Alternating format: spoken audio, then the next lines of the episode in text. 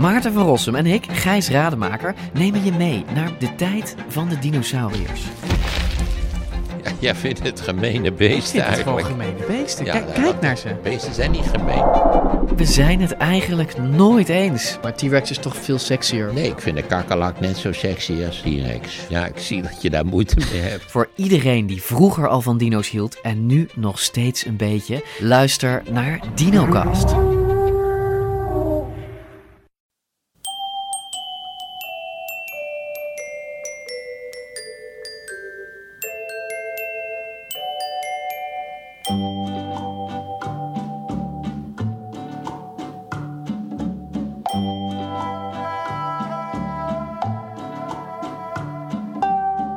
Bij aflevering 133 van de Echt Gebeurd podcast. Echt Gebeurd is een podium waar mensen waargebeurde verhalen vertellen die ze zelf hebben meegemaakt. In deze aflevering een verhaal van Jeroen Vos. Het thema van de middag was aan tafel.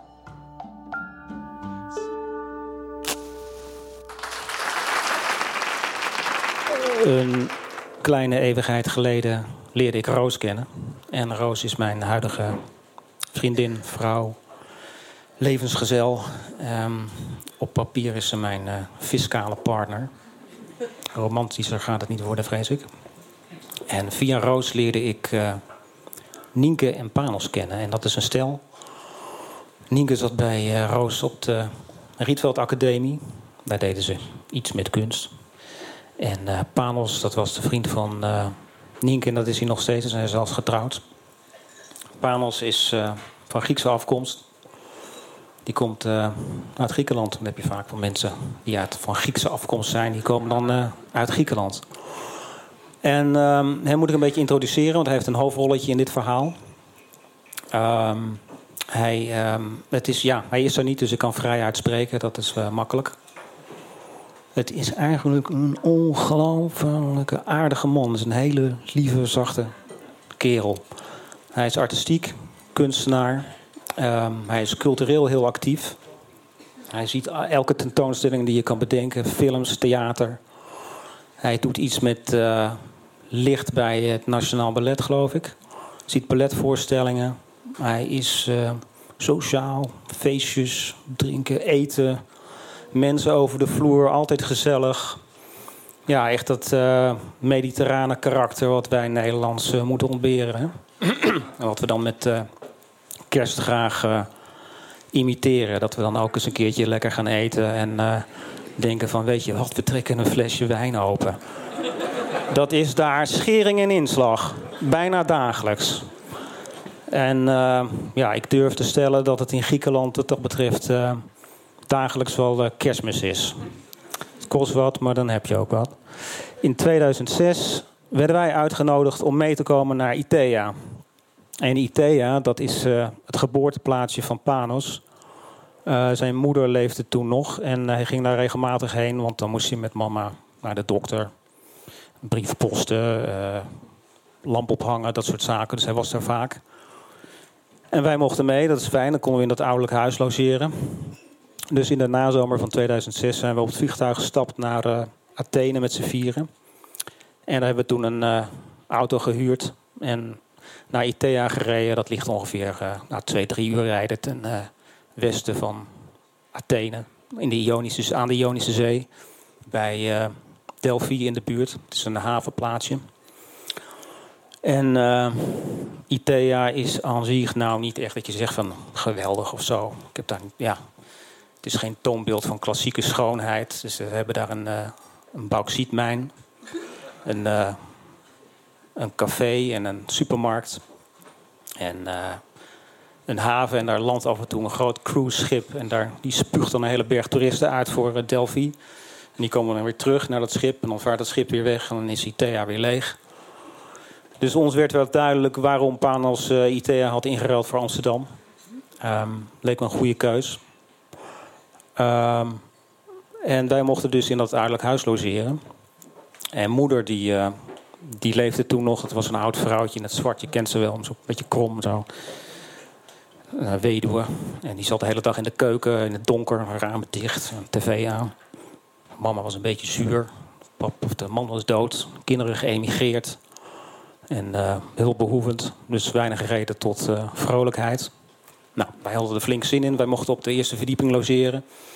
En we hadden een eigen achterom. En een, een romantisch patiootje met een, met een citrusboompje. En dan een mooie geurende jasmijn langs de trap om, omhoog. En dan kom je op een heel mooi dakterras met een werkelijk fenomenaal uitzicht uh, op de drogende was van de buren, want het was helemaal ingebouwd.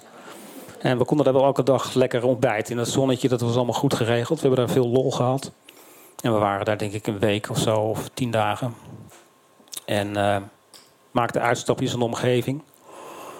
En Panos had bedacht, nou misschien is het wel leuk als uitsmijter... Als het einde, aan het einde van de vakantie uh, dat we gaan kamperen een weekendje. Dan, hij had, wist een strandje ergens in de buurt uh, waar niemand uh, was, waar we alleen konden zijn. En dat was misschien een optie. Nou, dat leek ons wel wat, want van kamperen dat vinden we ook leuk. Dus we hebben de, de volgende dag um, een pot olijven ingepakt en wat feta en twee tentjes in de auto. En we zijn daarheen gereden, naar dat strandje. En dat bleek inderdaad geen woord gelogen van wat hij ons voorstelde kwamen we daar aan. En we keken zo beneden, of die rotsen naar beneden in een fonkelend blauwe zee met de zon scheen. Uh, ik zag zo'n wit kiezelstrandje. Geen mens te bekennen. Nou, de beach, uh, de Blue Lagoon, die beelden wel in je hoofd. Denk daar een beetje aan. Dus we hebben de spullen uit de auto gehaald en uh, op onze nek gehezen. En van een rotsig paadje naar beneden gedrenteld. En hebben daar beneden ons kampement opgeslagen. En verder um, ja, waanden wij ons daar als Adams en Eva's in het paradijs, mag ik wel zeggen. We liepen daar schaars gekleed rond. En we zwommen, we luierden, we aten elke verboden vrucht die uh, binnen handbereik kwam. Uh, we dronken goedkope supermarktwijn. Het leven was mooi, we hadden vakantie. Fantastisch. En wat nou opvallend is, of wat ik opvallend vond, is hoe um, rolbevestigend uh, bezigheden zich ontplooiden van de mannen en de vrouwen. De vrouwen die waren binnen een kwartier schelpjes aan het zoeken langs het strand, verzamelen. En de mannen gingen op jacht. We kijken van, is er vis hier, is er wat te eten?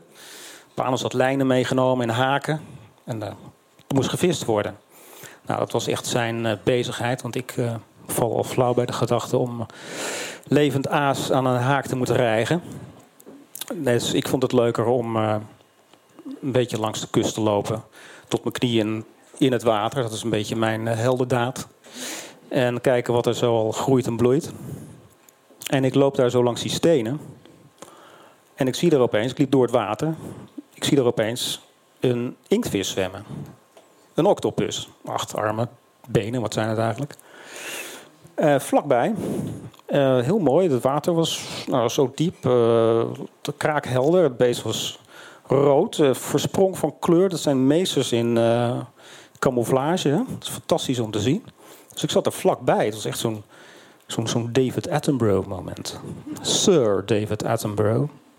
En uh, ik roep Roos... Uh, van een, riep Roos op een afstand, die was aan het strand bezig met schelpen zoeken.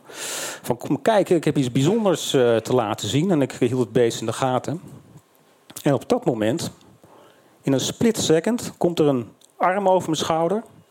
Grist dat beest uit het water. En ik kijk achterom en ik zie Panos staan met die octopus in zijn arm.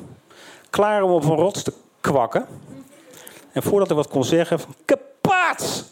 Smijt hij hem keihard tegen die rots aan. Spetters vloog in mijn ogen. Ik schrok me helemaal te pletter. En hij peutert hem weer van die steen af. En kaping! Smijt hem weer tegen de steen aan. Ik schrok me helemaal te pletter. Ik was helemaal in shock. En uh, intussen was Roos ook aankomen lopen, want ik had haar verteld van ik heb iets leuks om te laten zien. Dus die was ook in shock. Dus wij waren daar ja, getuigen van een lynchpartij. Dat duurde eindeloos. Wel een half uur. Dat geslaan van het beest op die stenen. Ja, ik, ik ken het verschijnsel wel. Ik heb het wel eens in een haven gezien. Dat doen ze om het vlees mals te maken. Dat heel lang wordt het dan op de stenen geslagen. Maar om dat echt zo live mee te maken is toch een ander verhaal. En... Uh, nou, het duurde wel een half uur of zo. En op een gegeven moment hield het op. En uh, Panos die veegt het zweet van zijn voorhoofd. En Er lag daar een hoopje ja, kleurloos rubber uit te lekken op een steen. Van het beest was weinig meer over. Dus ik zeg van ja, joh, wat, ben je nou godsnaam mee bezig? Wat, wat, ik zit daar in mijn eigen natuurdocumentaire en jij uh, slaat de boel kort en klein. Wat zullen we nou beleven? Maar ja, ik, ik had wel in de gaten dat, uh, dat, hij snapte niet echt waar ik het over had. Want we levelden niet helemaal. En hij legde uit van ja, het is voor mij geen optie uh, om s'avonds in het café te komen bij mijn vrienden en dan uit te leggen van ik zag vanmiddag een inktvis zwemmen. Vlakbij kon hem zo aanraken en zo mooi. En toen op een gegeven moment zwom die weg. En toen, ja, toen ben ik naar huis gegaan. Ja, als je dat in die cultuur vertelt, dan, dan word je uit de gemeenschap verstoten. Dan raak je je baan kwijt. Je wordt dakloos. Je gezin versterft. Dus dat is geen optie. Als je zo'n beest ziet zwemmen en je kan erbij, dan trek je hem uit water en dan hak je zijn kop eraf. Man stuff. Nou, ik snapte er helemaal niks van natuurlijk. En uh, het wordt donker. En de sfeer was uh, beneden peil. Er werd niks gezegd. We gingen naar de tenten. Een uh, kampvuurtje gemaakt. En we hadden nog een olijf. En een uh, stukje feta. En de inktvis lag als een soort lekke band in een emmer naast de tent. En er gebeurde niks mee. Er werd ook niet over gesproken. Zeker niet van gegeten. En uh, in een ongemakkelijke stilte zei Panos op een gegeven moment tegen Roos... Roos, you have to understand... Every paradise needs a victim. Ik zei, wat? Every paradise needs a victim. Dus uh, je mag niet een paradijs beleven zonder dat er bloed vloeit. Of, en die inktvis was een soort noodzakelijk offer voor onze mooie vakantie. Of, nou ja, ik, ik proefde wel een soort van diepere gedachte, maar ik kon er niet echt mijn vingers achter krijgen. Maar iedereen knikte instemmend van, ja, sure. Niemand had zin in discussie en klaar met die shit. Goed, klaar.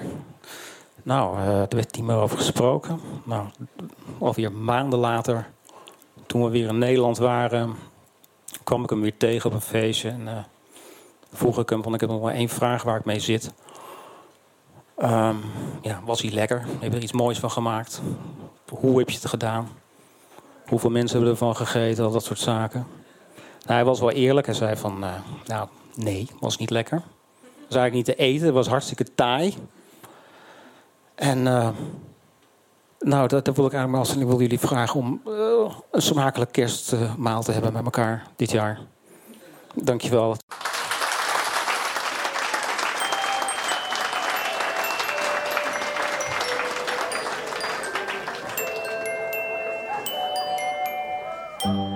Dat was het verhaal van Jeroen Vos. Echt gebeurd wordt iedere derde zondag van de maand, opgenomen in Toemler onder het Hilton Hotel in Amsterdam. De eerstvolgende Echt gebeurd vindt plaats op zondag 15 januari in het nieuwe jaar. Het thema is dan van mijn geloof gevallen. Je kunt je nog opgeven om een verhaal te komen vertellen. Ga hiervoor naar onze website www.echtgebeurd.net. Een kleine twee weken later, op 29 januari, houden we het Echt Gebeurd Gala in de Kleine Comedie. Voor dit gala zijn we ook nog op zoek naar verhalen. Het thema is dan geld.